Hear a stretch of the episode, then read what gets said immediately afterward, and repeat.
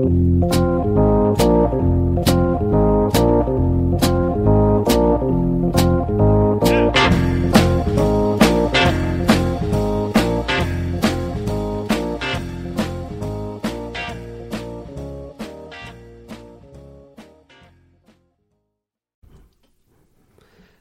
och välkomna till eh, Bröla Böla Podcast. Och idag så gästas vi av ingen mindre än John Taylor. Välkommen hit. Ja men tack, tack. Hur känns det att vara med här? Eh, Det är ju alltid trevligt att prata om Malmö. Ja, och Och eh, det är trevligt att bli tillfrågad och prata om, ja möjligtvis sig själv och Malmö. ja, prata om Malmö och sig själv. Det, det är precis det här det det handlar om ju. Så vi, eh, vi hoppar rakt in. Fullständigt namn. Eh, Mitt namn är John Taylor, men om du kollar på mitt pass det kommer att stå John Michael Taylor. Ja, och vem, vem är Michael? Alltså när jag kom till Sverige 91 så, från England då, ehm, då stod det fyll in alla dina namn och jag valde min konfirmationsnamn från den katolska kyrkan.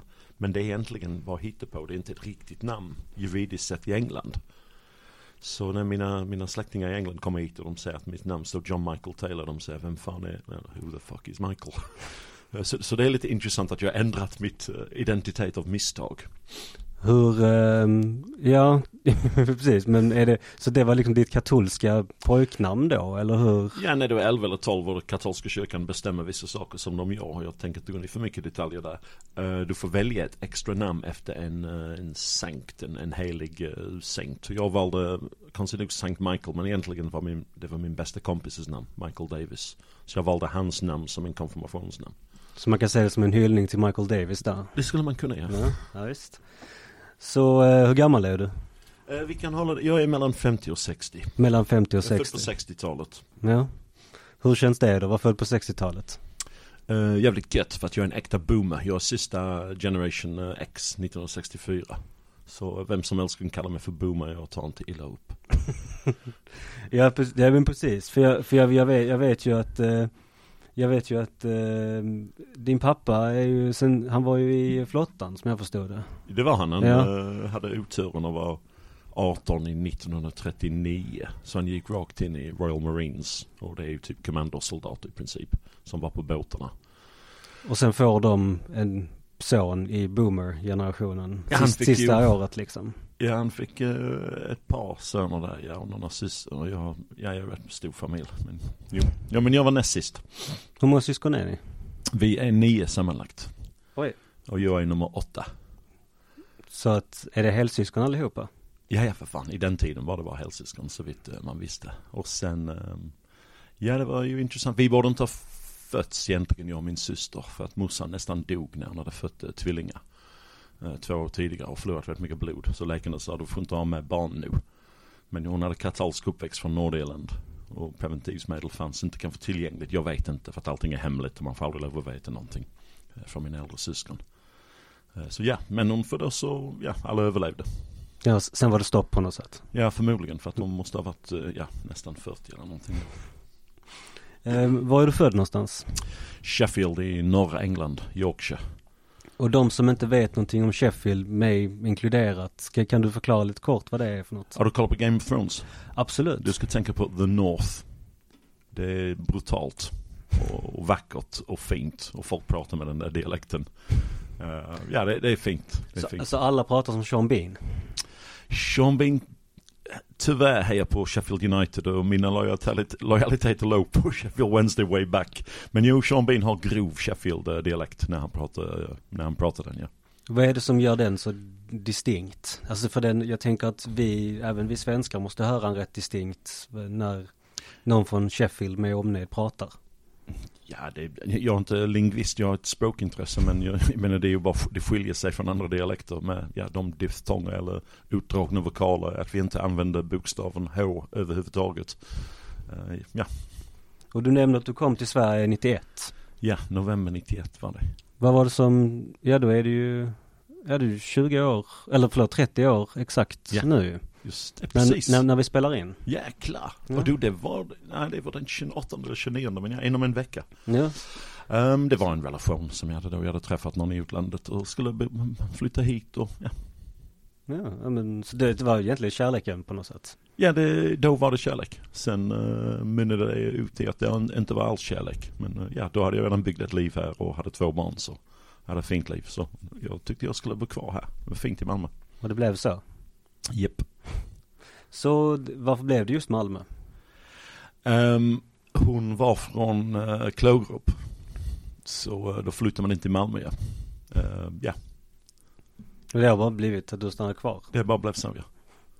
Så var, var, bor du någonstans i stan? Uh, just nu jag bor um, vid Roskilde, på Roskildevägen. Uh, vid Pildammsparken. Och vi har kolonilott uh, på backarna i Kirseberg. Egentligen är det på Johanneslust men det låter lite coolare när man säger Kirseberg. Ja, eller backarna liksom. Eller backarna. Ja, eller backarna. Och jag har bott på Ransavvägen innan så jag känner att jag är hemma på i Kirseberg. Ja, och du har ju um, Du är ju lite av en uh, sportprofil också i, kring uh, Malmö FF. Har du blivit? Uh, skulle jag säga i alla fall som, uh, som supporter. och då är du nära och bra från Roskildevägen till stadion. Jo, det är skitbra. Det är fem minuters cykling. Och det är många gånger jag har kommit fem minuter in, innanför matchen och ins, insett att jag har glömt mitt eh, plastkort. Jag insisterar att ha en plastkort. Och jag har kunnat cykla hem och ändå hinna tillbaka i tid. Så det, det är perfekt placerat både för, för, ja, för allting i stan. Schysst. Så eh, jag tänker att de som lyssnar kanske har ett hum om vad du gör till vardags. Men vad är, vad är det du gör till vardags för de som inte vet? Jag vet inte fan om någon som lyssnar till den här podcasten vet vem jag är. För att ni är ju alla under 40. Uh, eh, men jag, man skulle kunna säga att min, min stora karriär från 97 till 2017 var att jag byggde Slottsträdgården i Malmö. Bakom Malmö slott. Och då var jag trädgårdsmästare där. Med 600 eller 700 människor som kom in på praktikplats och arbetspraktik och sånt. Och sen har jag figurerat i media lite grann eh, på linjär tv. Eh, på eh, ett program på SVT som heter Trädgårdstider. Ja, det är vad jag kanske är känd för. Ja, och om inte annat tycker ni ska kolla Trädgårdstider. Det är om inte annat väldigt mysigt att kolla på. Ja, det upplevs som, ja de flesta tycker det är rätt fint. Så om vi går in på, eh, om vi ska lära känna dig lite bättre John, nu. Så vilka är de sämsta egenskaperna du fått från dina föräldrar? Um, från farsan kan jag kanske ha lite kort stubin ibland. Tror jag. Som jag ångrar mig alltid direkt efter jag eh, blir arg eller någonting. Och sen från morsan. Uh, nej, hon hade inga dåliga egenskaper ibland. Hon kanske födde för många barn, men det har inte jag gjort. Uh, nej, morsan eh, kan jag inte klandra för någonting. Men uh, farsan, ibland har jag lite kort stubin. Men det är något som man jobbar på och man är medveten om. Ja, medvetenhet är ju en, är på något sätt en del av lösningen visserligen. Men det är inte alltid man är medveten om det. Ja, när jag blev lack på en av mina barn häromdagen. Jag ångrar mig precis. Det, det var dumt gjort. Så, ja. Det är ju skönt. Eh, så om, om, du fick ändra något i din uppväxt, vad skulle det vara? Om jag skulle ändra någonting i min uppväxt? Ja, jag man vill inte ångra någonting egentligen, jag har fan nog sagt allt. Um, ändra någonting i min uppväxt? Um, nej, alltså det är... Det, kanske om jag hade fått med mat hade varit cool. Jag var alltid hungrig. Uh, men annars sa jag ingenting egentligen. Jag menar det var kaos, vi var många unga. Uh, men jag vet att jag var ständigt hungrig och kunde äta hur mycket pallade äpple som helst och få dålig mage och sånt. Och kom ner mitt i natten för att sno mat. Uh, bara för att jag var hungrig. Uh, sen fick jag jättegod mat från min mor men ändå någonting, ja det vet jag inte om jag vill. Men var det liksom många, det var många munnar och, och Jo det är klart, liksom. det var ju nio plus två föräldrar och en katt. Så. Såklart. Nej men ändå någonting, nej jag, ja man har gjort bort sig några gånger men uh, inga, inga stora, inga stora saker som jag hade ändrat tror jag. Det är för att det är ju, det, är ju, det som man har gjort när man är ung, det, det har blivit det som man är nu när man är gammal. Ja, ja såklart, det är ju, det är ju såklart insiktsfullt. Uh, men det är fortfarande liksom en, någonting man kan vara, man kan ha en inbyggd bitterhet till det. Det finns ju, det finns ju den aspekten i det också, att man går och ältar. Jag kan älta och jag har mina sådana här cringe eh, ögonblick när jag kan tänka, oh varför sa jag det eller varför gjorde jag det eller det gjorde jag bort mig rejält. Men det är lite, eh, det är så pass många tillfällen att det inte är lönt att ens tänka på. Och det är ingenting jätteallvarligt. Eh, men ändå, man har gjort bort sig några gånger. Ja, förhoppningsvis är det inget allvarligt i alla fall. Ja, annars hade Mm. jag inte suttit ännu. Nej, precis. Exakt. Eh, när känner du dig blyg? Um, kanske i ett socialt um, läge där man inte är hemma kanske. I en typ överfin restaurang kanske. Jag är klädd ganska vanlig. Oftast kanske till och med i arbetskläder. Och så har jag nog lite kvar av det där engelska klassförtrycket. Eh, jag kan hantera de bitarna om jag är i dem i, i ett trädgårdssammanhang i England till exempel. Ibland träffar man ganska fin folk och, och sånt. Men eh, ibland kan jag känna en viss snobbighet som kan förtrycka mig lite. Och då, då, då backar jag lite grann och till och med försvinner och kan lämna en, en tillställning. Ja, för jag, för jag har ju nu, nu är det ju väldigt, det är väldigt stora penseldrag här nu, men jag har ju kollat på The Crown. Eh, och då har jag fått förklara för min sambo då vad jag kan om den engelska klasshierarkin på något sätt. Att den är väldigt på, mycket mer påtaglig än här i Sverige. Men du som växte upp i det, stämmer det? Ja, ja, så snart som en engelsman hör några ord eller några fraser eller bara tittar på någon. Du kan, du kan, du vet precis var de kommer ifrån och vad deras föräldrar gjorde eller inte gjorde. Um, och, och, och, och man döms därefter. Och jag märker det särskilt när i, i södra England, där, om man rör sig i finträdgårdskretsarna. Um, det kan vara ganska tufft om, om du inte känner för den biten. Att du är, du, du är ingen så att säga. Eh, men, men jag skiter i det. Nu är jag från Malmö. Så jag har, jag, har ett, jag har ett annat identitet. Men när jag är i England jag kan känna av det en aning med att medelklassen vill gärna förtrycka eh, folk. Och det kan handla bara att de, hur de beter sig i en kö på en mack. Eh, eller, eller när du står i puben och, och pratar om någonting. Det, det, det är ganska påtagligt. Hm. Och hur ger det sig till känna då? Alltså jag tänker, eh, är det, är det väldigt eh, geografisk skillnad också? Alltså att norra England är väldigt mycket mer arbetarklass medan den södra är kanske lite mer medelklass. Alltså både historiskt men också nu. Eh, klass är överallt såklart. Men, men det är klart det finns ju mer pengar i, i södra England. Och då, om du råkar komma från norra England och har det i bakgrunden. Du, du känner av det mycket, mycket mer. Och det, om, man, om man vill, jag är inte konspiratoriskt lagd men, men det är klart att det är till överklassen eller kapitalens fördel att, att andra klasser förtrycker varandra och, det, och arbetarklassen i södra England håller ner eller förtrycker arbetarklassen i norra England genom någon sorts snobberi eller, eller förtryck. Och sen, jag, jag tror inte att det är så utpräglat som det kanske var innan. Um, men, men man märker av klassamhället definitivt, definitivt. Ja. Ja men intressant att höra på något sätt någon som har växt upp i det.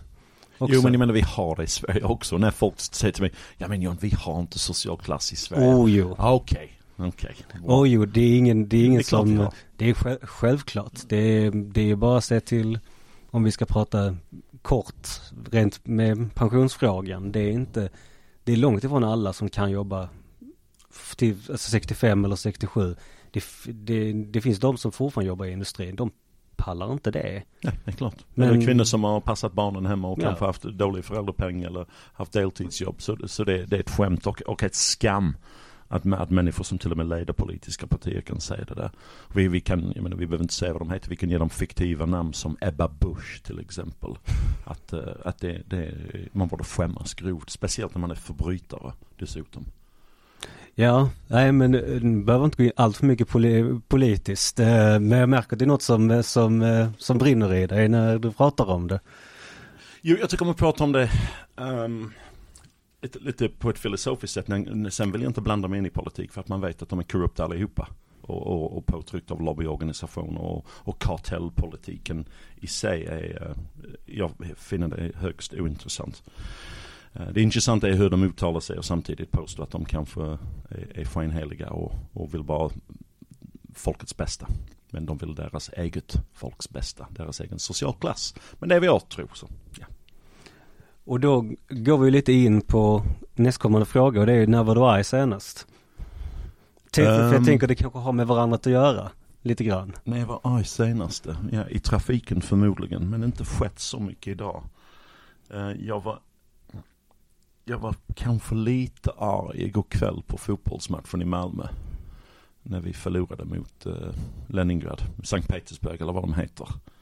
Nej det var oavgjort, ja just det. Men det kändes som en förlust.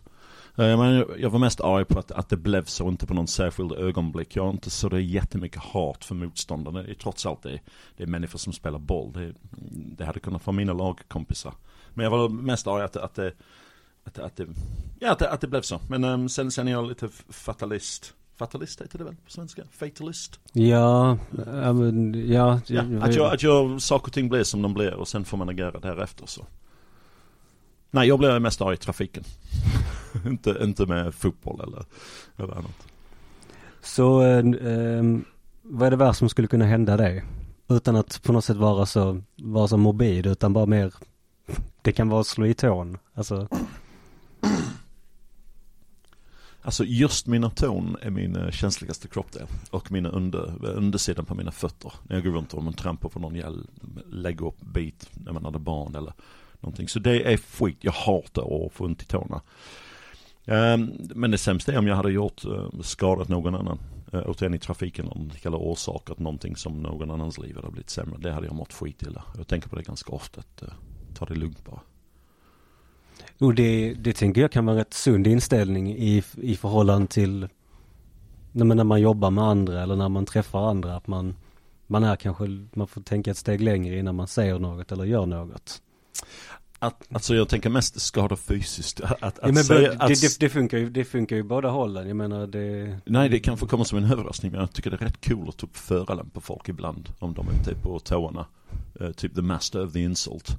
Och, och så det är ju ingenting emot, jag menar folk hånar mig också tillbaka. Jag tycker om banter så att säga. Och jag får rätt mycket skit själv för som jag är. Så, eh, så att, eh, att, att, att nagga på folk lite grann på det viset tycker jag är, hör till. Att det blir lite cool, nästan lite roligt. Men eh, jag min själ ingen mobbare, det, det tar jag avstånd ifrån. Men jag tycker det är cool att man kan käfta lite. och hur, hur, du sa att du gillar banter. Var, var kommer, i en relation eller när du träffar någon, när kommer det här banter in? Uh, Bante är mellan noll och två öl, enligt mina erfarenheter. Eh, och då är, då är vi förstås när vi har druckit två öl, då är vi kungar. Jag tror det var någon forskning av Piaget eller någonting på 60-talet som sa när du har druckit två enheter, då är du en perfekt människa och sen går det ut för rakt ner i stupet. Så jag tycker att den, den, den gyllene tiden när man kommer in i en pub eller någonting och börjar snacka med folk och kan få träffa lite nytt folk och de är öppna för lite nya grejer och vill, vill öppna upp sig och prata om sig själv eller andra saker. Jag tycker det är en, det är en, det är en gyllene tid där man kan ha skitroligt. Där orden flyttar fram och Absolut. Så vad hoppas du andra ska komma ihåg dig för? Förlåt mig, säg det en gång till. Fråga. Vad hoppas du andra ska komma ihåg dig för? Um, uh, ja, kanske att jag hjälpte dem. Kanske att jag ställde upp och hjälpte folk. Uh, att jag gav folk en chans. Uh, att jag ingrep när saker och ting hände. Ja, inte mycket mer. Så om, eh, om, om, säg att du skulle flytta tillbaka till England imorgon. Tror du att folk som här i stan skulle säga det? Att det är liksom, att John gjorde det? Ja, de kanske skulle, jo en annan vet att jag har hjälpt dem vid tillfälle. Uh, och speciellt med att, att fixa jobb till folk i branschen, i trädgårdsbranschen. Men folk, allmänheten kanske hade kommit ihåg mig för typ det roliga programmet med dem på tvn. Eller att jag fixade Slottsträdgården. Och det är ju något väldigt vackert på något sätt. Det är det är en väldigt, det är en väldigt fridfull och vacker plats. Ja, det, vi skapade någonting från ingenting. Eh, Det fanns en gräsmatta och lite byggnadsrester och i ja, staden som jag anställdes av då, kommunen, byggde en fin trädgård. Och det är något som man kan vara lite stolt över. Jag har inte enormt mycket stolthet i mig för saker och ting. Eh, Men ja, lite glad är man att man har gjort någon nytta. För det har ju verkligen lyft. Det ju verkligen lyft. Det måste vara Kungsparken den ligger. Eh, Nej förlåt, Slotts- Slottsparken. Nej men det, det är inte lätt, men om det ska vara korrekt, Slottsträdgården ligger på Slottsholmen. Mm, Och Kungsparken är på andra sidan bron. precis. Och sen Slottsparken är på andra sidan kommendantbron. Men nu talar jag som en gammal tjänsteman på Malmö stad som kan mina stadsdelar. Ja, några av dem i alla fall. Nå- Inte alla. Tror du andra ser det som en bra lyssnare? Mm, nej, det tror jag inte. Eh, jag hade en kompis en gång, Stefan, och eh, han plötsligt skulle säga, han lyssnar inte. Och då hade jag gått in i någon egen dröm eller någonting. Så det är nog en brist jag har där. Att jag, och det är självklart att jag lyssnar till folk och jag skäms när jag missar någonting. Och jag måste be om ursäkt, jag måste säga förlåt, jag stängde av det. Kan du säga det en gång till? Jag skäms för dig men jag tror att jag nog eh, inte är världens bästa lyssnare. Men återigen, medvetenhet. Att, eller, eller så här, det är, inte, det är väl också någon form av egens, eller egenskap, men någon form av personlighet i det också. Jo, dålig personlighet. Tänk om jag hade varit medveten innan att jag skulle faktiskt lyssna till vad någon säger. Istället stänga av och inte lyssna. Och sen antingen be om ursäkt eller bara skäms. Men men, vi kan inte vara perfekta. Nej, egentligen, vem är det? Ja, Marcus Rosenberg kanske? Jo. Fast äh, vi vet inte hur han är hemma och sånt. Nej, vi, vi, Förmodligen kungen men fantastisk Ja, ja men precis. Han, han kan säkert, han kan säkert uh, rösta på något parti och ändå kan han motivera det på bra sätt. Man bara, ja men han är ändå rätt. Ja, ja vem vet. Så um, om du får berätta om en lärare du haft i livet som inte är kopplad till utbildning. Vem skulle det vara? En lärare inte kopplad till utbildning. Um, det var en kock när jag jobbade som kallskänka när jag var 15, 16, 17. Och kök var, det är en tuff miljö. Det är ganska ja, hårt. Det ska hända inom några sekunder när du ska göra någonting. Och den här kocken i Sheffield Paul, han var ganska sträng mot mig men han var rättvis också. Och hjälpte mig och lärde mig saker och ting. Så honom hade jag lite respekt för. Sen, eh, sen en gång hade jag glömt att, att diska, tror jag det var, stora gjutjärnsspisar. Det var en lång radda av spisar som skulle göras rent på eftermiddagen. Och som straff fick jag göra armhävningar med fötterna upp på en trappa och en av de här spisarna på ryggen. Och jag tog det. Och det, och det låter som penalismen och det är det. Jag menar det ska inte gå. Men nästa gång att jag skulle städa dem, diska dem spisarna så blev det gjort. Så det, det, sånt här funkade på mig när jag var liten. Men jag kommer från en ganska tuff militär upp, bakgrund med farsan och sånt så. Ja men lite ordning och reda. Ja, alltså det hade jag inte gjort till någon själv för att det låter något, det först och främst förmodligen är det illegalt nu för tiden. Men om vi tänker på att det var en tid där det inte var legalt, det funkade då. Men nu får man inte lov att hålla på med sånt och det är ingen som jag förespråkar men det funkade till viss del på mig tror jag. Men Paul har jag respekt för även nu. Glömt hans efternamn. ja, men det, det, blir, det blir väldigt intressant för att du säger, du säger att det, det, det blir i alla fall, det gränsar i alla fall till penalism. Men jag tänker eh, jag har bara, jag har bara jobbat i ett kafékök och det är inte riktigt samma, samma sak. Men just att när du, när du beskriver ett, ett kök på en restaurang, att det låter lite som i ett omklädningsrum. Eller i ett, eller i ett liksom, fotbollslag. Skulle du, tror du, finns det någonting i det? Um, det vet jag inte. Det är ju många olika former av fotboll. Nej, jag, jag är lite osäker om det där. Kanske. Jag, jag menar det är grupper av människor som jobbar i ett lag så det finns ju en liknelse. Eh, eh, äh, gruppdynamisk mässigt, gruppdynamiken. Äh, och då har ju en, en, en härskare också som bestämmer. Huvudchefen, head chef så att säga. Kocken. Ja, det finns liknelser. Så vad har du svårast att acceptera hos dig själv? Um, svårast att acceptera hos mig själv? Uh, jag är ibland, nej vad fan, nej inte dig. Ja, det, gör det är så mycket. Um, så strax blir mig själv. Nej men ibland kan, om jag inte har lyssnat till någon, ibland kan jag vara lite plump, lite klumpigt. Och kanske trampa på någons tå lite, som är lite umma kanske. Blyga, inte ens blyga men, men ibland kan jag trampa lite fel. Verbalt. Eh, det är ju, jag menar, en sund inställning är att hata sig själv tycker jag. Och jag har ju vet många sidor som jag inte är särskilt glada för. Men på det stora hela, jag försöker cykla ordentligt och köra ordentligt och hjälpa folk när det kommer till kritan. Men eh, ibland kan jag kanske vara lite klumpig. Är det en sund inställning att hata sig själv? Ja, ja man ska inte tycka om sig själv för mycket. Nej, då, då, blir man, då blir man ju snarare egenkär. Men jag tänker... Ja. Inte hata, men kan, man måste vara medveten om att han har ju sina brister. Ja, jo, jo, det är, det är jag menar inte självhat eller, eller ett, ett missnöje som resulterar i depression.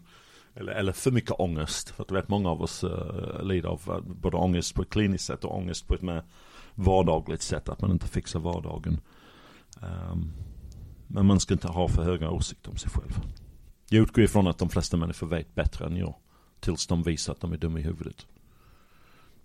Och det rätt många som gör det. Och vad beror det på? Alltså var har du fått det ifrån? Ja, intressant fråga varför det ifrån?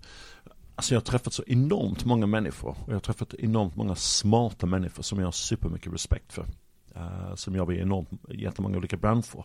Och jag vill gärna att alla är lik de människor. Uh, människor som kan inspirera mig, som kan lära mig någonting, som kan berätta för någonting kul om mig.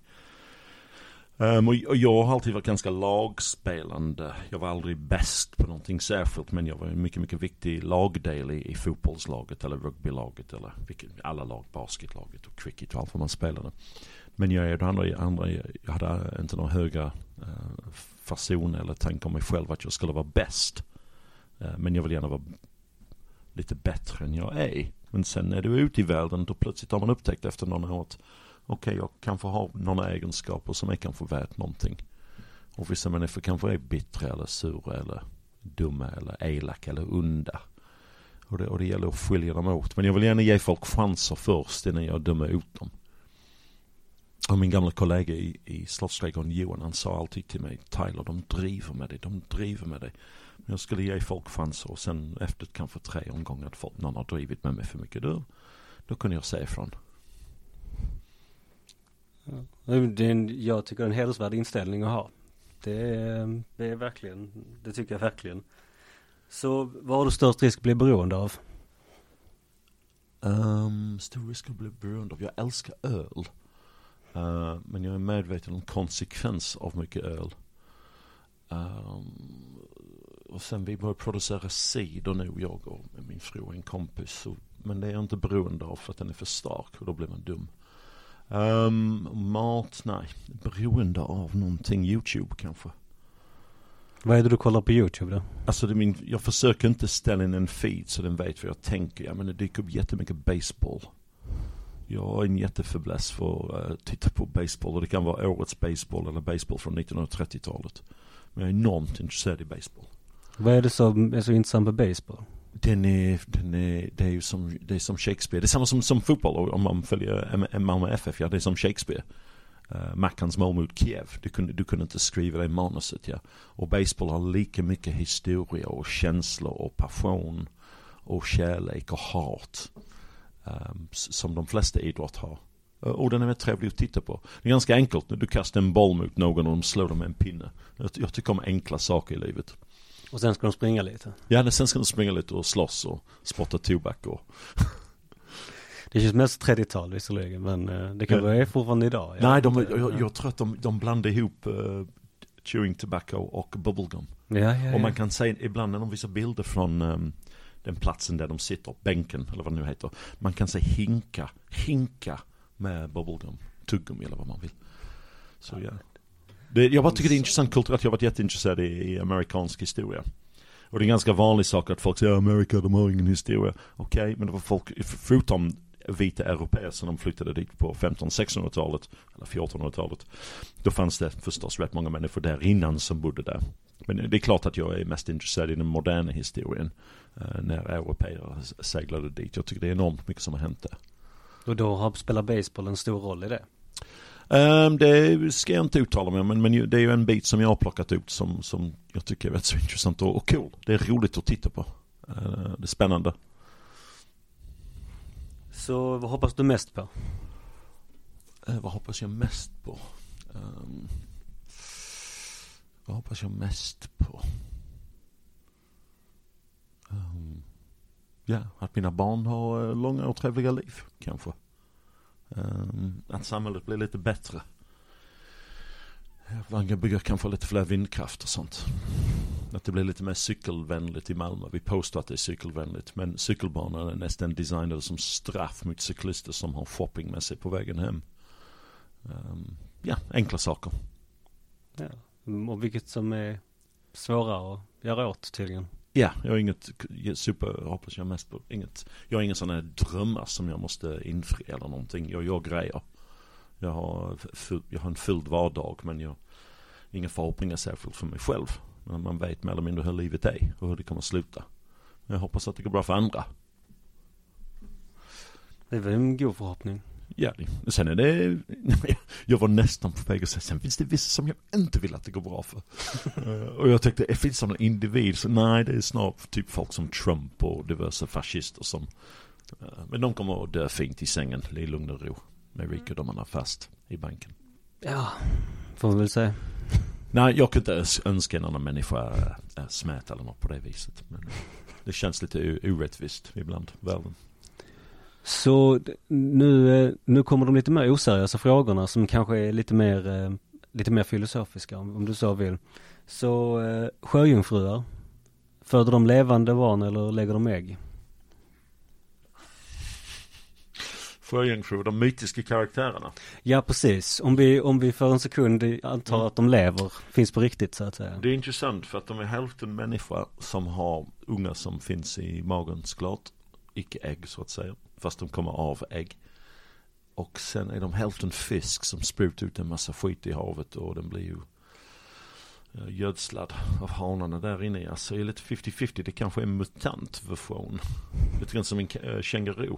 Mm-hmm. De äh, föds typ innanför fast utanför. Men om jag hade valt, jag hade sagt att de har, jag tror den mänskliga delen på toppen är så pass äh, mänskliga att de föder ut ungarna utan en viss kroppsdel, utan, ut, ja, Ja, ja men absolut. Ute en viss kroppsdel. Jag, jag kör att de kör mänskliga bebisar. Ja, och det, det finns ju inte rätt eller fel svar. Jo, det måste finnas i litteratur någonstans. Har de inte fött unga? Jo men om det verkligen är något som går in på det vet inte jag. så... Du får nog eh, klura ut det. Bjud in någon som kan litteratur lite bättre. Jag får bjuda in någon marinbiolog eller något sånt så kanske eh, ja. så, så, så, får vi se vad, vad, vad hen svarar. Så om du fick resa tillbaka i tiden, vad hade du rest då? Um,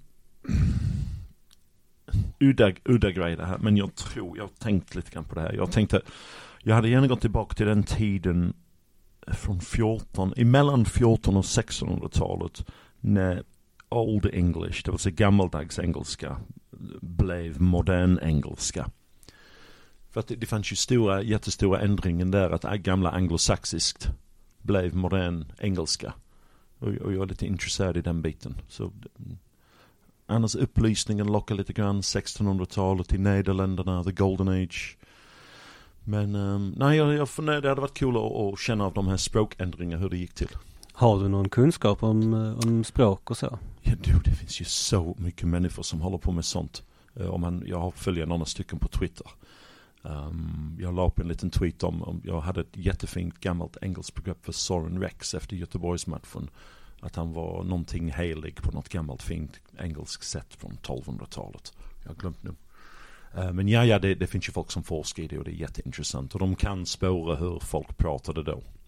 För jag, för jag tänker på, eh, jag tänker på en sån som, eh, om jag ställer en fråga till dig, nu är du inte lingvist så, men jag tänker hur, eh, men eh, irländska, alltså gaelic och, och eh, walesiska, är det mer forn, alltså lite som isländska, är lite fornnordiska, är det lite samma princip? Nope, de är totalt skilt från uh från fornnordiska och, och de tyskbaserade språk, de, är, de keltiska språken. Ja men jag, jag tänkte, är det mer Old English då? Nej, alltså, nej, det nej. finns ju, jag tror att, jag tror när jag läste att det finns sex ord, sex stycken ord på gaeliska som du kan koppla till modern engelska. Mm -hmm. Så de är totalt, eh, du, du fattar noll.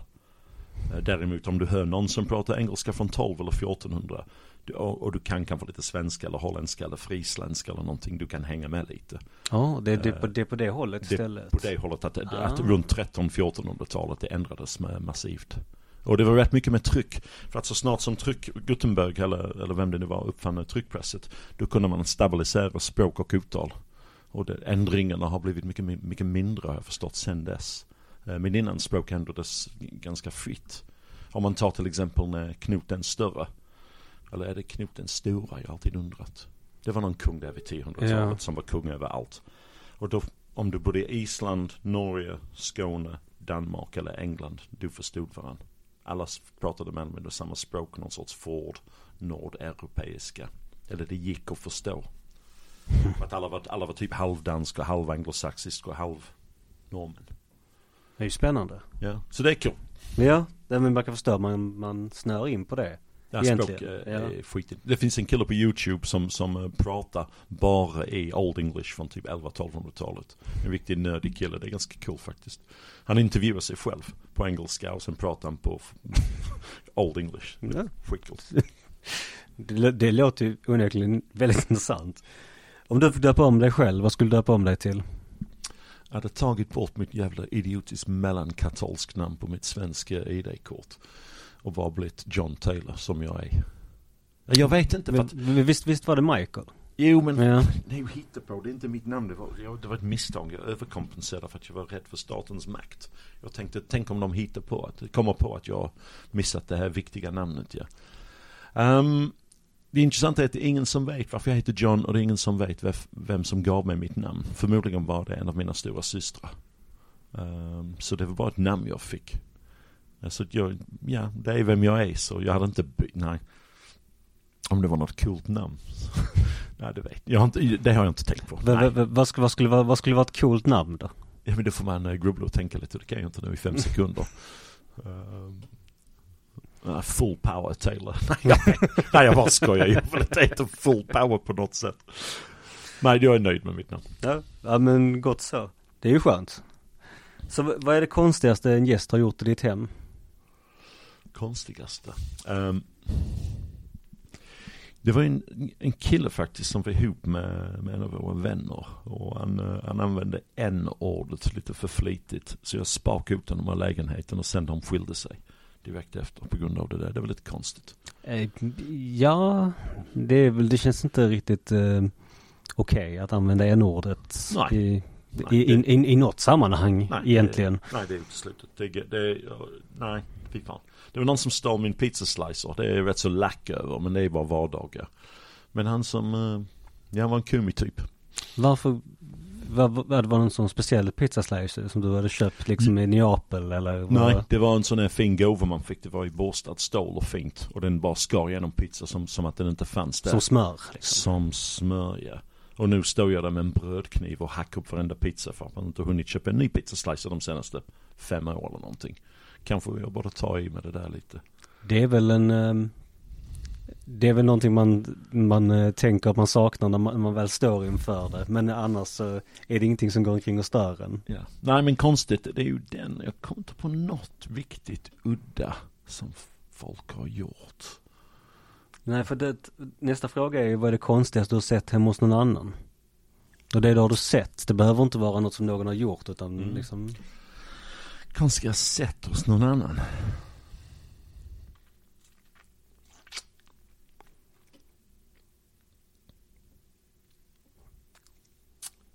Jag vet inte fan om jag har sett något. Ful inredning, det är konstigt. Um. Jo, just det, bra. Det var en kille, Magnus. Han gjorde som tidningsbud, way back in the day. Och vi skulle hem till honom och hämta någonting. Och han hade alltid samlat de här extra två eller, tio, tid, två eller tre tidningar som man får när man är tidningsbud. Jag jobbar som tidningsbud.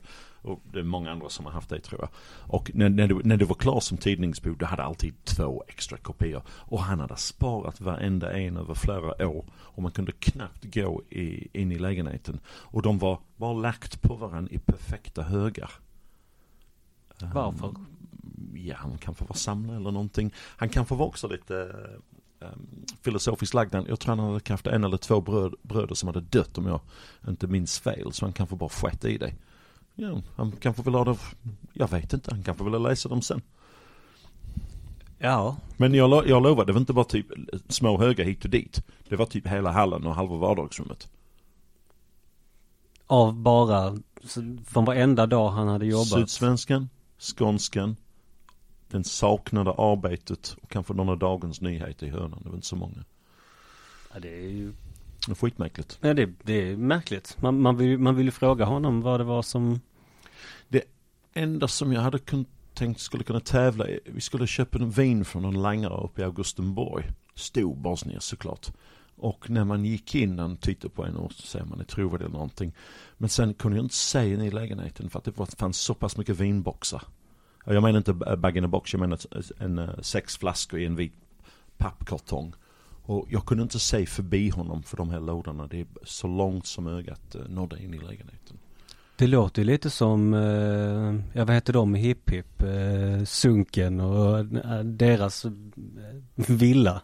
Där de bara har liksom lådor på lådor på lådor på lådor. Jag missade, jag, jag, jag missade förstår, Hipp Hipp. jag förstår Hipp Hipp, och det var för att det var när jag flyttade hit. Men jag förstod också att det honade det engelska i mig lite, ja, med på riktigt. Och jo, det ja, påstås ja, ja. att jag har en viss brytning på engelska, men det hör inte jag förstås.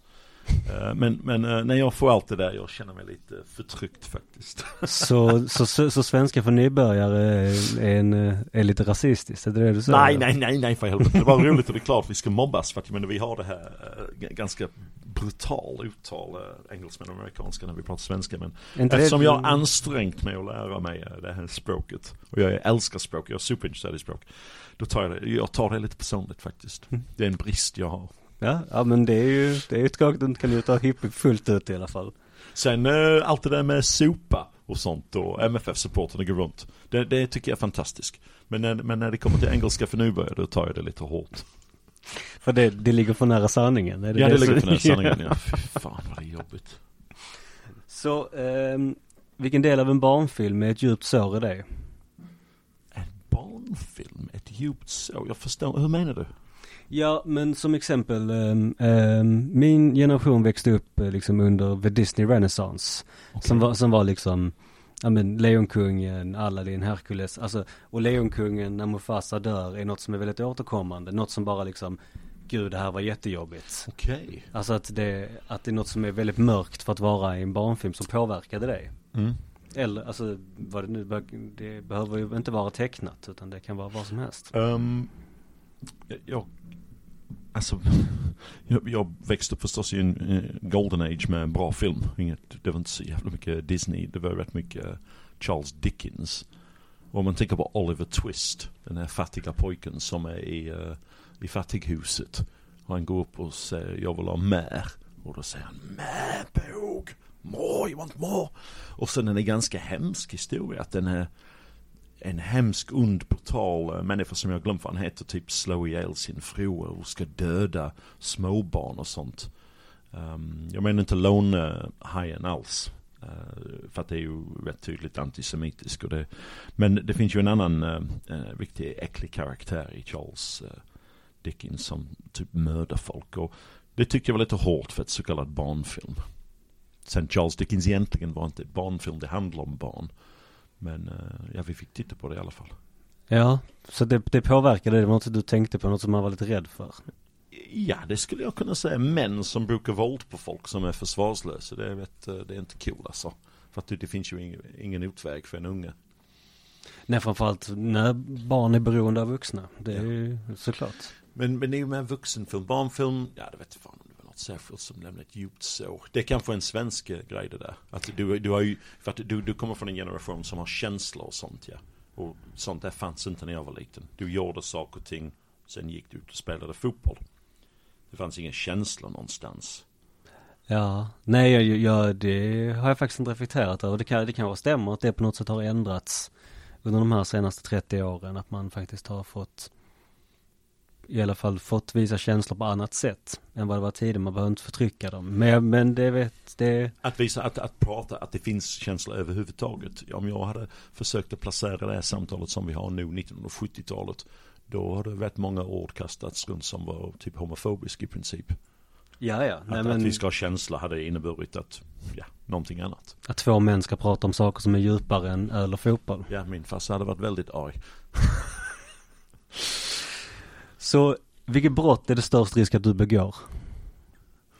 Um, kanske, ja just det, nu ska vi vara försiktiga för att jag kan hamna, jag hamnar i knipan ganska oftast, oftast när jag är ute. Um, vilken brott är det, är det troligaste? Ja, alltså vad, vad är, vilken är störst risk att du begår liksom? Ja, någon, någon form av slagsmål eller brukande av våld i en situation förmodligen eftersom jag hamnar i, eh, jag kan säga ifrån ibland. Typ senaste vi var på Möllan. Och så jag tror att det var Fredrik Gerten faktiskt, Filmen filmaren, som satt och sa till det, någon eh, langare och lägga av som höll på att typ fördärva någonting. Och sen började han hota oss och sen sa jag någonting också och då sa han att de skulle skjuta mig. Sen spottade han mig i ansiktet så jag kan, jag kan allegedly ha kastat en stol som uh, missade honom. Men det är ju den sorts situation som jag hamnade i. Jag var totalt nykter också. Så jag kan reagera när det händer grejer. Så, att på, något, så på något sätt en, en, reagera mot orättvisa med, med lite Ja, jag är inte proaktiv i, i våld överhuvudtaget. Jag är emot våld. Men jag, jag, om det är någon som måste försvaras eller någon som ska uh, stoppas för någonting dumt. Då uh, står jag inte förbi och tittar. Det känns ju väldigt fördomsfullt som väldigt eh, engelskt. Att den här att man, att man eh, agerar mot någonting.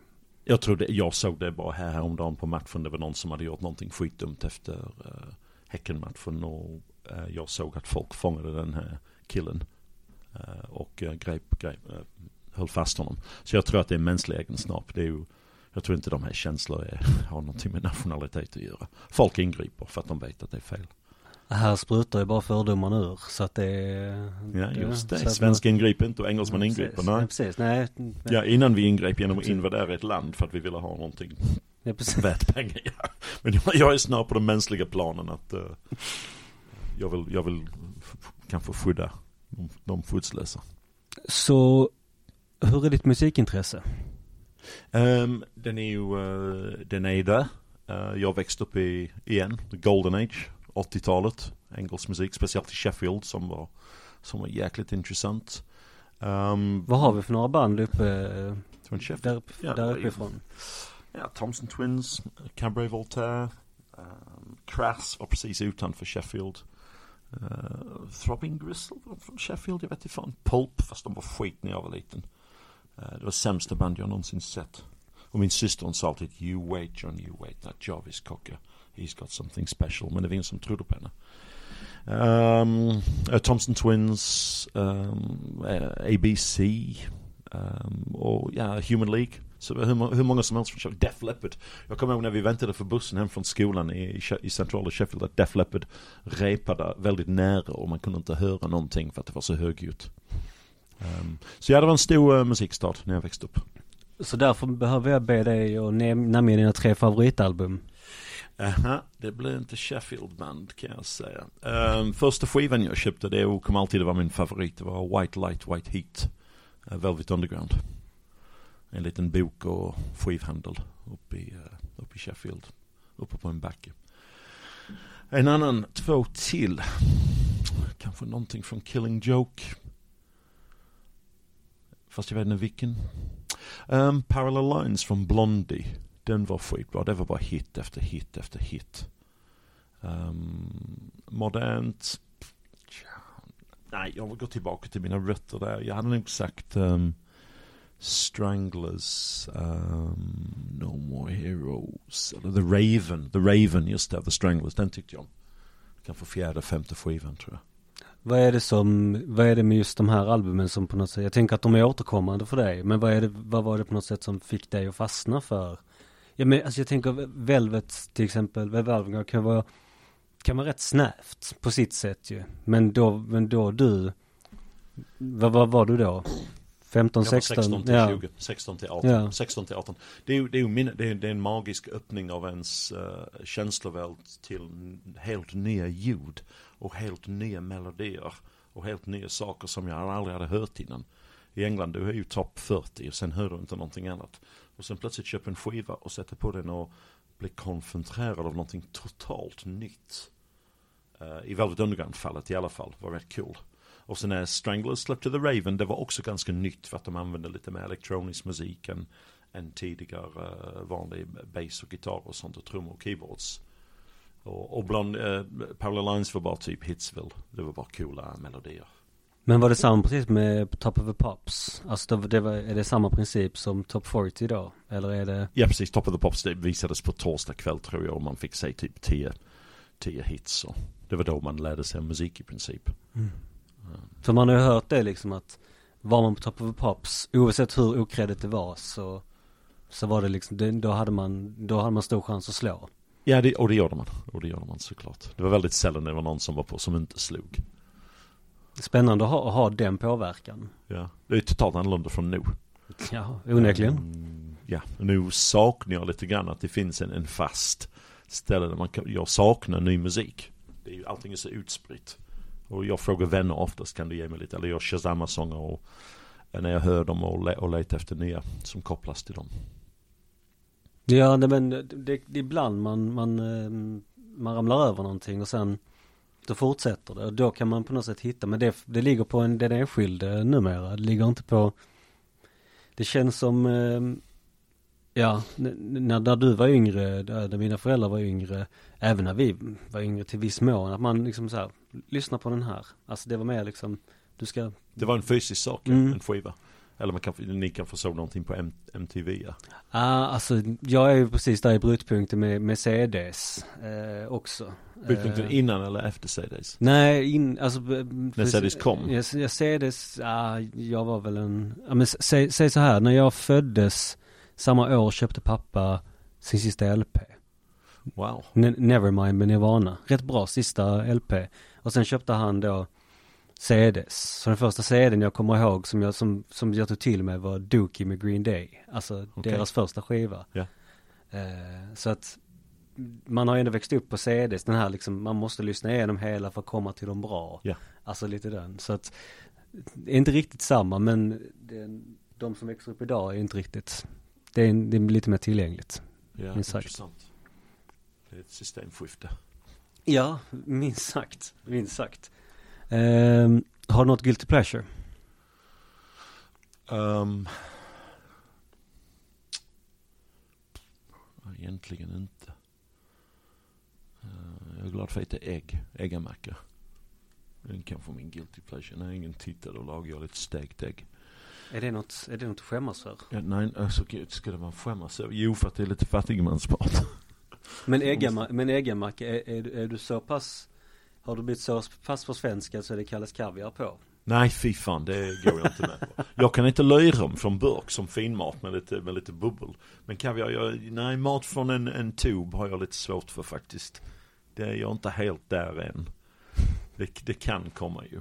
Det kanske, det kanske kommer. Det finns några matbitar. Och nu talar jag som en engelsman jag som hade min engelsmatkontor. Som är jävligt mycket stärkelse. Men, ehm, men mat från en, en, en tub är det lite, nej. Ja. fan. Det är ju spännande. Det, det, det, det, det, det är hård. Alltså jag, var kan göra alltså. det, jag kan göra det men, ehm, men nej det, det, det, det går nog gränsen faktiskt. Har du några tatueringar? Ja det har jag några stycken ja. Ja, vill du berätta om någon? Ehm, jag har en stor tulpan från, ehm, från en bild från 1600-talet på ryggen. Eh, och sen lite växtceller och lite annat. Men jag har en liten här på högersidan som du kan titta på. Och det är från way back in the day. Eh, Space Pigs. Ah. Så det är ett rymdskepp och det är grisar som kommer utifrån. Och det tycker jag var lite kul. Ja, kul. Inte världens eh, högsta kvalitet på den tatueringen. Man ser ju vad det är. Så Men, då är det, det är men, någon eh, form av... men eh, de som gjorde de andra tatueringarna såg den, de skrattade högt. De tyckte det var kul så jag behöver inte skämmas för det. Ja men jag tyckte det var kul. Ja. Så då går vi in på Malmö. Det som jag upplever folk, folk, vissa kan tycka om att prata om sig själva. Däremot så när man väl ställer dem lite mer följdfrågorna så är inte det alltid så himla bekvämt. Men Malmö tycker folk om att prata om. Så om vi börjar lite lätt, vad är Malmö för dig? Uh, Malmö är, det är mitt hem. Det är där jag bor och inte kommer att flytta ifrån. Uh, om, inte något, om inte det händer någonting typ världsomfattande med översvämning eller asteroider, meteoriter som krockar eller någonting. Um, det är ju ehm, det är de människorna som jag känner och mina samlade minnen och allt vad jag har gjort i stan. Ehm, jag tänkte oftast i Sheffield när jag var liten, när jag flyttade från Sheffield när jag var kanske 20, 21 kanske. Att jag kan varenda sten och varenda träd och varenda hus och varenda allting. Och det är ju lite grann samma med Malmö. Det är klart att jag inte kan alla stadsdelar men jag har enormt många minnen av Malmö. Och sen har jag ju satt väldigt mycket växter på stan så jag har påverkat den fysiskt också. Eller varit delaktig i, i diverse projekt. Så Malmö för mig är hem och, och minnen och, och människor och, och känslor. När, eh, kan du minnas när Malmö blev hem? Eh, när jag flyttade tillbaka hit för att jag, jag hade småbarn och vi skulle bo ute i Dalby och bo i Small Town Sweden. Någon år. Men sen skilde jag mig där 2000. Tror jag det var. Så jag bodde i Dalby där på sen 90-talet någon år. Fyra, fem år kanske. Kanske sex år. Och när jag flyttade tillbaka till uh, Slussen. då var jag hemma igen. Kunde cykla på match, cykla till jobb. Gå ut och handla. Behövde inte stå och handla i Lund eller någonting eller på vägen hem. Inte ta en bussresa en halvtimme ut. Eh, så när jag flyttade tillbaka till Slussen ehm, så då var jag hemma. Du hittade ett inre lugn då? Va? Ett inre lugn? Um, ja, lugn blir man aldrig i, i Malmö för att man vet aldrig vad som kan hända men uh, Ja, ja, att, att jag hade, det var nästan som att jag hade flyttat hem. Så att, för att bor du i Dalby, då är du i princip i en förort till Lund. Och Lund, jag förstår inte hur det funkar. Det är ju, jag har många gånger sett människor som står vilsen på en gatuhörn och gått över till dem och sagt, är du också från Malmö? Och försökte hjälpa dem. Och servicen i butiken är det bara ett skämt nu har det öppnats en fin restaurang måste man säga, ett Ivan som hade kvarterat Åken innan och öppnat i Lund. Så nu ska jag besöka Lund, jag ska försöka. Mm. Um, Ja men då håller vi... eh, men, men um, så, den, den ångesten som jag hade när jag skulle gå in och ta barn på aktivitet i Lund och inte hitta någonstans. Och blev, kanske förtryckt också av uh, den snobbigheten som centrala Lund kan ha ibland. Inte den akademiska för att det har jag, jag har ju pluggat på okej okay nivå. Det, det, tycker jag är trevligt men, men jag tycker det är lite, lite snobbigt var det. Uh, så jag flyttade tillbaka till, tillbaka till Raw Malmö. Det råa, det riktiga. Det är gött. Så vad tycker du representerar Malmö? Um, dess invånare. Vi människor, det är vi som är representerar, det är vi som representerar Malmö. Och invånare är ju utbytbara. Så för, förändras stan med det? Jajamän. Det är ju många inflyttade nu. Det är, står du uppe vid Möllan, det är inte många som pratar skånska. Det är rätt mycket småländska och östgötska och sånt. Ja, nej, är för, för all del och jag menar... ehm, Till och med stockholmska hör man ganska ofta Ja. nu för tiden. Ja, det är, det är någonting annat. Men det, men det blir också den att, ehm, ja det är klart att den, de, den, skånsk, den riktiga så här arbetarskånskan, den är lite trå, den saknar man ju till viss mån. Eh, samtidigt så diskuterar jag ju det med en vän häromdagen, var, alltså, när, när går man från att vara Malmöbo till Malmöit? Vad, vad, vad tänker du själv om det? Um, man vill förstås att du, du identifierar till 100% med staden. Och, och det gör jag. Du, du, du, du älskar den, du brinner för den, du kan få engagera dig i vissa föreningar som rätt många av oss gör. MFF till exempel. Um, men Malmöit, du, du älskar din stad framför alla andra städer. Och tycker jag. Malmöbo, alla som bor i Malmö är Malmöbo. Vare sig de vill eller inte. Du, jag har jättefina vänner från Göteborg, Stockholm som bor här. Och de är Malmöbo. Men Malmöit är de eh, knappast. Men de är, men de, de är stockholmare i Malmö. Det är Ja. det som är, Jo, men de kan ändå legalt sett tror jag, juridiskt sett kan man kalla sig för Malmöbo. Vi Ja, kan säga att du är är sant. inte Malmöbo till en stockholmare om du bor i Malmö. Det finns ju en. Nej, det är såklart. Nej, men alltså just det här. Ja, det, alltså det är, det är någon form av mental spärr man måste gå över för vill man hit. Ja, det, jag det, tror ju förmodligen du måste kunna hävda dig och försvara dig mot andra som vill oss illa. Ehm, och vi vet det finns gott om sådana. Ja, för att den kommer ju senare, men vi kan ta den nu. Eh, anser du att eh, malmöiter är konfrontativa med angående sin stad? Om vi är konfrontativa? Ja. Uh, fuck yes. Det är klart vi är. Vi får så mycket skit från alla andra. Ehm, eh, så, så det är klart att vi, vi försvarar vad vi vet är, är vackert och fint och byggt på många människors hårt arbete över många år. Vanligt folk har byggt upp den här staden. Ehm, det är inte någon rik bankier nere i Höllviken eller Falsterbo eller uppe i Lumma som har byggt den här staden. Det är typ Nilsson och Jönsson. Eh, både här och fru och andra eh, derivativer av därav som har byggt staden. Så det, det, är vi, det är klart att om det är någon som kan hävda och vara konfrontativ, det är vi som bor här och jobbar här och betalar skatt här och har byggt upp den. Så hur, om jag, om jag bara tänker på, eh, du nämnde det både herr och fru och, och så. Hur, eh, och menar, märkte du det när du flyttade hit? Eh, för man kan ju ha en romantiserad bild av Malmö, arbetarstaden Mm, mm. Och, och allting sånt. Var det någonting, var det något du märkte när du flyttade hit? En romantiserad bild. Nej, snar, snarare Eller- att, att om du märkte den här arbetar... Ja, det gör jag. eh, Eh, för att jag, jag gick in och jobbade i trädgård med anläggare. Eh, och eh, det, var, det var en trädgårdsmästare, så han är lite känd, men han är känd på ett annat sätt. Uh, Janne Knoda. Från Karlpedal. Han var basisten i Karlpedal. Ja, visst. Men han hade jobbat nere i hamnen. Och det måste varit på 60-70-talet. Och han sa, ja men du ska läsa Fredrik Ekelunds bok Stov Malmö kom eller någonting. Fredrik Ekelund, författaren. Också känd som någonting Maribel eller något. Ah, uh, ja, ja, precis. Men han, han skrev ja. rätt mycket böcker om Marisol va? Marisol, förlåt mig. Uh, ja. Um, um, och han skrev de här fantastiska böckerna om Malmös arbetarhistoria. Och det har skrivits många andra böcker som, som jag läser, som jag inte kommer ihåg. Och sen eftersom jag har jobbat med folk, då har jag anammat det här ganska grova malmöitiska sätt när man jobbar. Jag har ju jobbat som trädgårdsanläggare och trädgårdsmästare. Och du, du hör gamla historier, och du, du plockar upp gamla värderingar. Och det kvittar vad det handlar om, men inom din arbetstid mellan sju och fyra, då händer det rätt mycket saker. Som du måste kunna de koderna. Eh, och sen jag har ingen romantisk bild. Det är mycket förtryck, det är mycket sprit, det är mycket våld i hemmet. Eh, I arbetarklassen. Det är samma som det finns i andra klasser. Men jag menar, jag, jag, jag, jag, jag, jag, menar, jag har jobbat med ganska enkla saker i, i trädgårdsvärlden. Och det är klart att jag har plockat upp den, den sidan också. Så den existerar fortfarande skulle du säga, till viss mån? Uh, ja, det, det, finns, det finns vissa bitar, inte bara i Malmö men utanför eftersom folk har flyttat utanför. Jag menar Malmö trots allt har rätt mycket satelliter ute på landet. Jag jobbar ganska mycket ute på landet med, med min äppelodling. Så jag, jag, kan höra saker och ting om gamla Malmö när som helst. Att någon har kört ner i hamnen hit och dit med en lass av den ena eller den andra.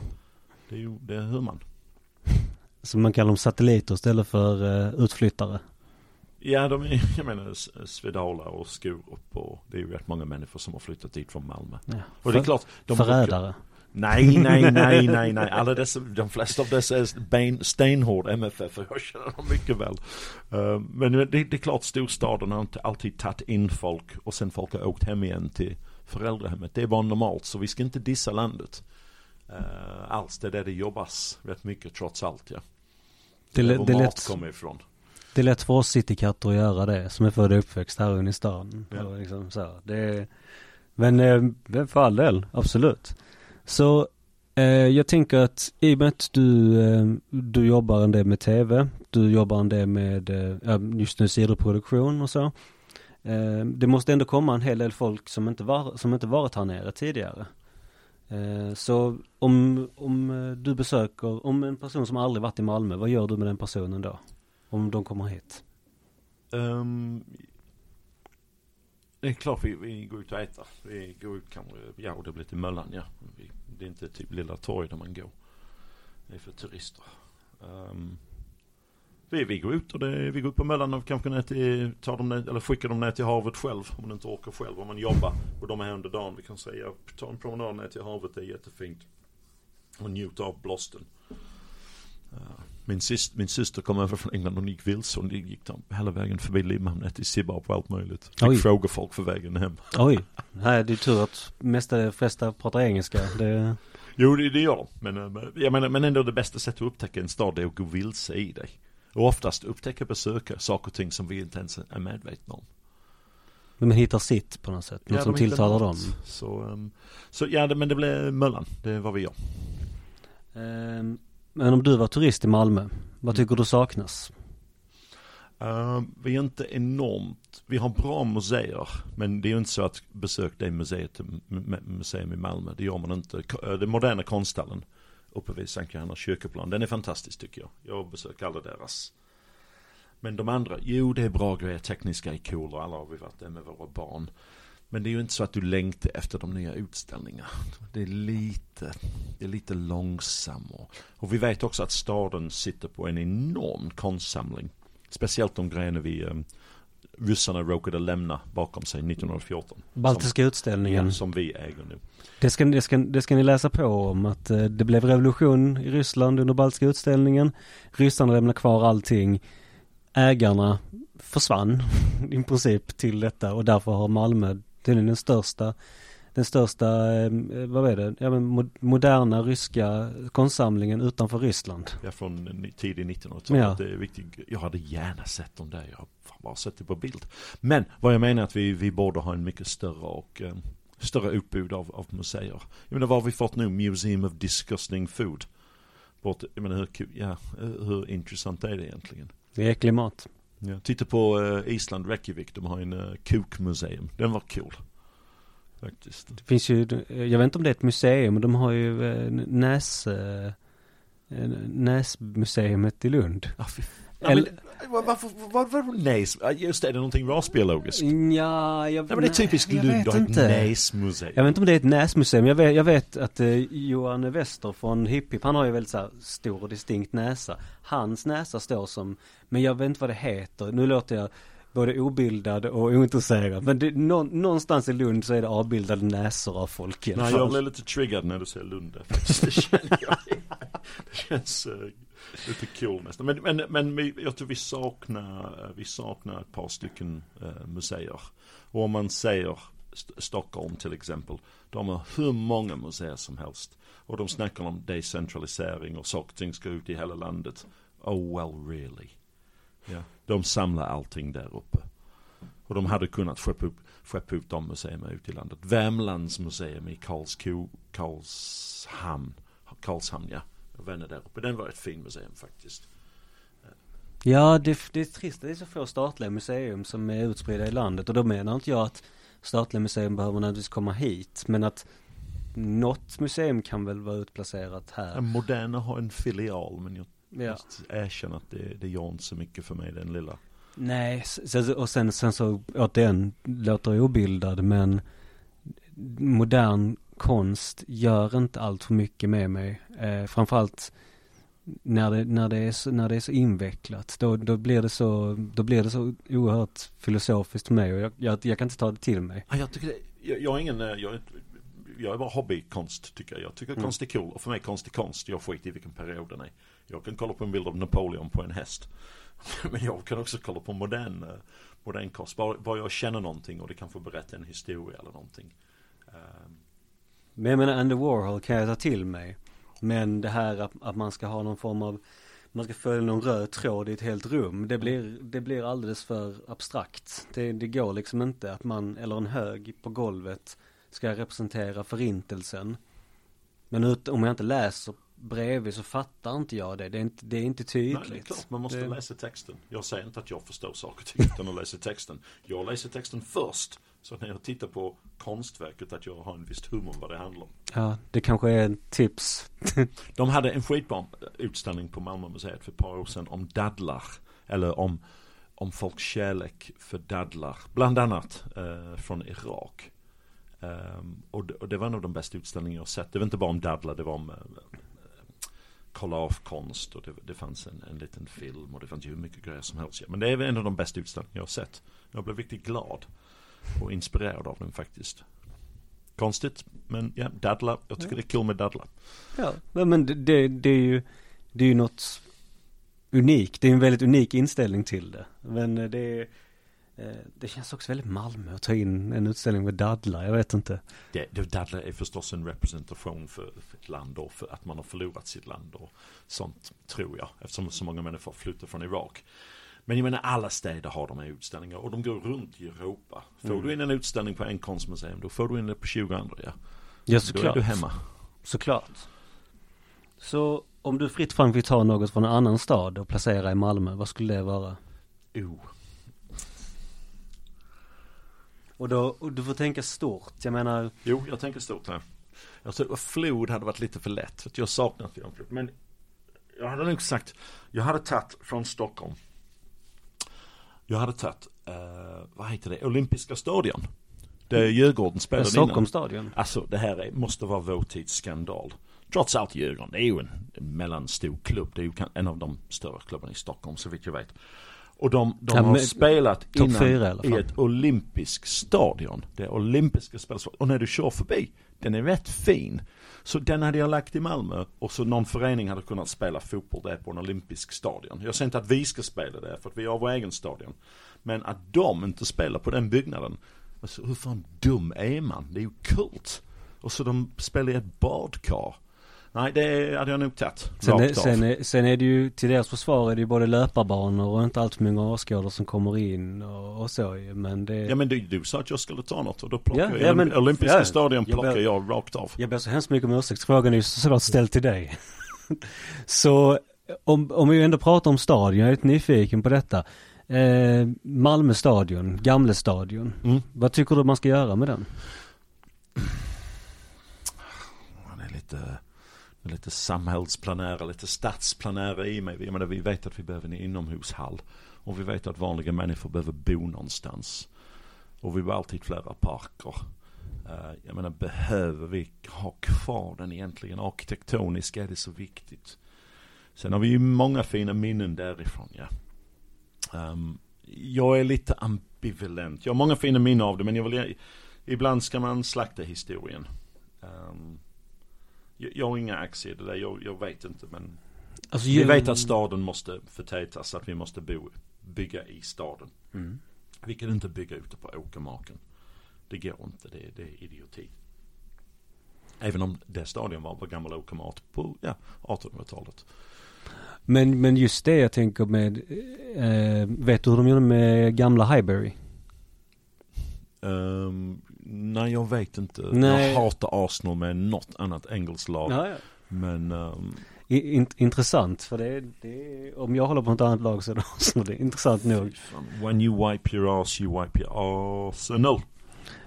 Jag har sjungit många gånger.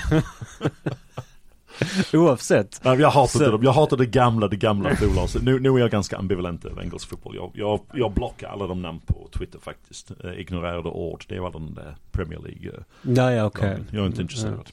Men nej, jag vet inte om nej, men, Highbury. Men i alla fall där har de eh, behållit själva stommen i, i Highbury och sen har de byggt eh, bostäder i den med en, med en liksom grön, gröning i mitten. Vad alltså fint. gamla planen. Fan vad cool. Ja, och jag tänker bara, jag tycker att den här, alltså 50-talsarkitekturen på stadion, alltså bågen och så. Mm. Jag tycker den är så jäkla cool och det hade varit kul om, cool om man hade kunnat integrera den i en byggnad. Skitrolig idé. Det har jag inte hört innan faktiskt. Det var nytt. Ah, det, är det din idé eller? Eh, alltså det var ju bevisligen någon, någon smart engelsmans Ja men för, för Malmö stadion, för att den har ni inte läst. Den har jag inte läst om någonstans ja, för Malmö. Det finns, det finns säkert någon tjomme på något arkitektkontor som har eh, funderat på det.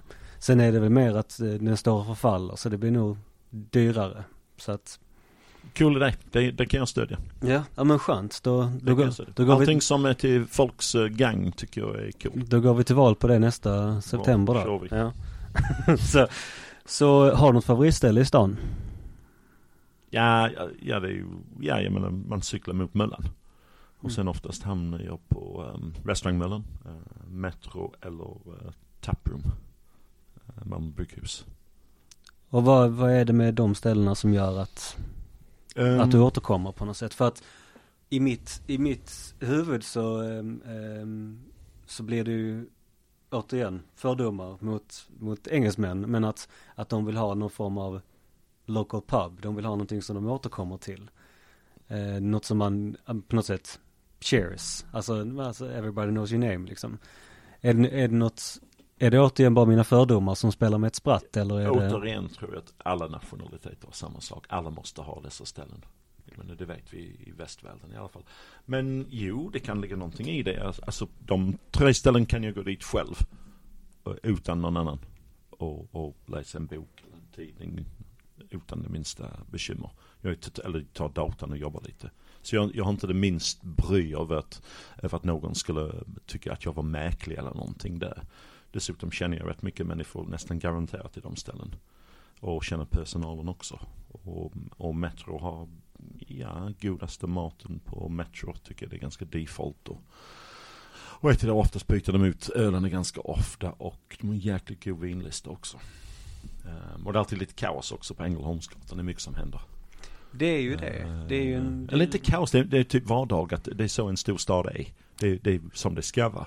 Jag tror många människor har vuxit upp i den här eh, prussiluskan. Tänk att allting ska vara fint och fint och regimenterat och disciplinerat och man kommer och går och man går ut och dricker en öl på fredag och sen hemma. Men storstad, storstäderna är inte så. Det är mycket mer liv och, och rörelse och, och det tycker jag är kul. Jag älskar det faktum att bland de här Mikeller restaurangerna och Metro och ja, Scanwich så finns Bagdad Livs kvar. Ja. Det gör mig glad. Ja, jag hälsar på han när jag går in där också. Ja. Så det är cool. Hej, kan man säga. Tjena, har du? ja, precis. Ja, men det är jättebra. Ja, men det är fint. Och han är där ute och kontrollerar gatan lite grann och säger till att det är inte för mycket oordning just framför hans butik.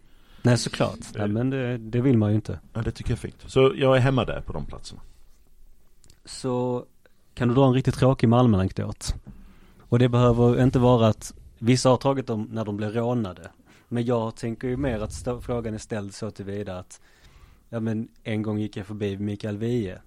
Vi sa hej. Och Du sen- skojar, ska du verkligen plocka, har du steg? Du, du känner inte till min Mikael Wiehe-anekdot? Nej, den, eh, eller nej. Kör- Var det, kör den Var då. det Mikael Wiehe eller var det Göran, vad fan heter han som heter Göran, journalisten? Det kan ha varit Mikael Wiehe, men jag vill inte dissa honom. Men jag tror jag var på en bokhandel. Nej, det var inte Mikael Wiehe, det var någon annan. Det var han Göran, um, stor journalist som var skitstor på Sydsvenskan och Svenska Dagbladet. Hans bror spelade i Hoola Baloola band.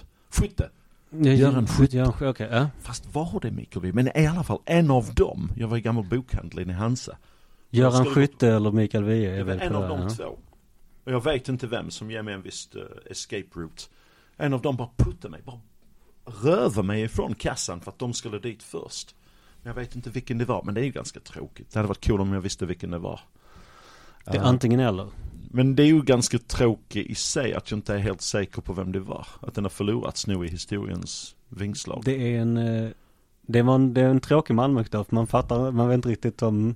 Ja, den är ganska tråkig. Mm. Den Ja, kan jag stå för som tråkig. Ja, absolut. Jag är inte någon anekdotkung på något sätt alls. Så, berätta en fyllehistoria från Malmö. Om det så är självupplevd eller en, gång en kompis.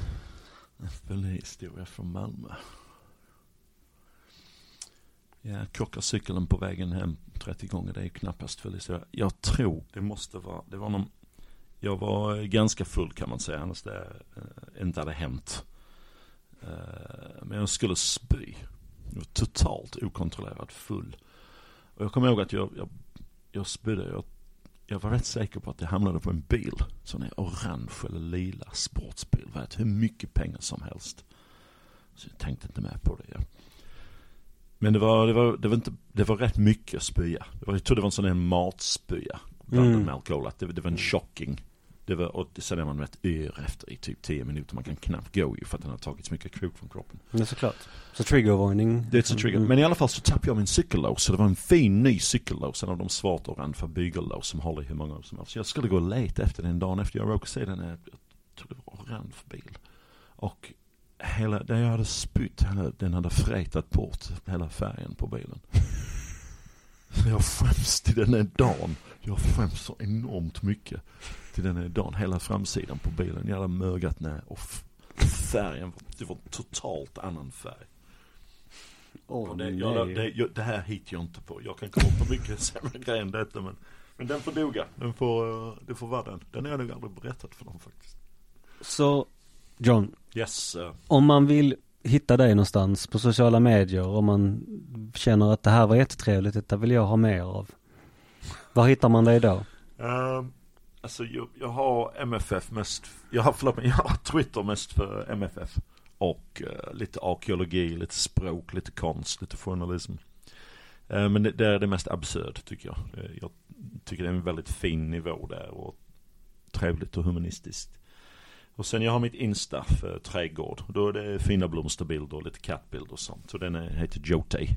J-O-H-T-A-Y. Och sen sidoproduktionen, den är på dryg sidor. Eh, och den är, ja, vi bygger upp en backstory helt enkelt över hur duktiga vi är på att producera sidor från egenodlade äppelträd. Eh, Och, där är eh, jag. Och när kommer eh, man kunna köpa dryggsidor? Den eh, kan du köpa ute nu på, ja, som du nämnde innan, Scandwich och Stormgatans tapprum här borta. Som jag ska Mm. nog dit och ta en och testa produkten. Uh, finns ju lite andra ställen runt omkring. Ja. Men, eh, vi, det är intressant är nu, jag både pushar verkligen ännu. Ja, vi gör sidor från 100% odlade äpplen och ganska traditionell bunnit produkt. Men vi jobbar och det går bra men ehm, ja, det, man skäms lite grann för att eh, man ska vara kommersiell. Det, samtidigt vet jag att jag måste. Samtidigt är jag väldigt medveten om att, att jag har ett varumärke i mitt namn som kan pusha produkten ändå. Men det finns ju ett bra uttryck på engelska. Slow and steady wins the race. Så vi, är- vi är lite dryga med det där som namnet tyder på. Vi, vi tar vår tid och det får bli bra på sikt. Ja, den ska, den ska jag pröva vid, vid ett eh, välvalt tillfälle. Och eh, John, du ska ha stort tack för att du ställde upp. Jag hade supertrevligt, jag hoppas du hade detsamma. Det gjorde jag, du fick ut lite mer information. Det, det intressanta med dessa podcast är att folk tror att jag gör helt andra saker från vad jag gör. Eh, och de ställer inte frågor om min relation till Malmö. Och det har du gjort och det tycker jag. Så tack så mycket för min del också. Ja, och eh, kära lyssnare, vi hörs igen eh, nästa vecka med en eh, ny gäst. Ha det så gott, hej!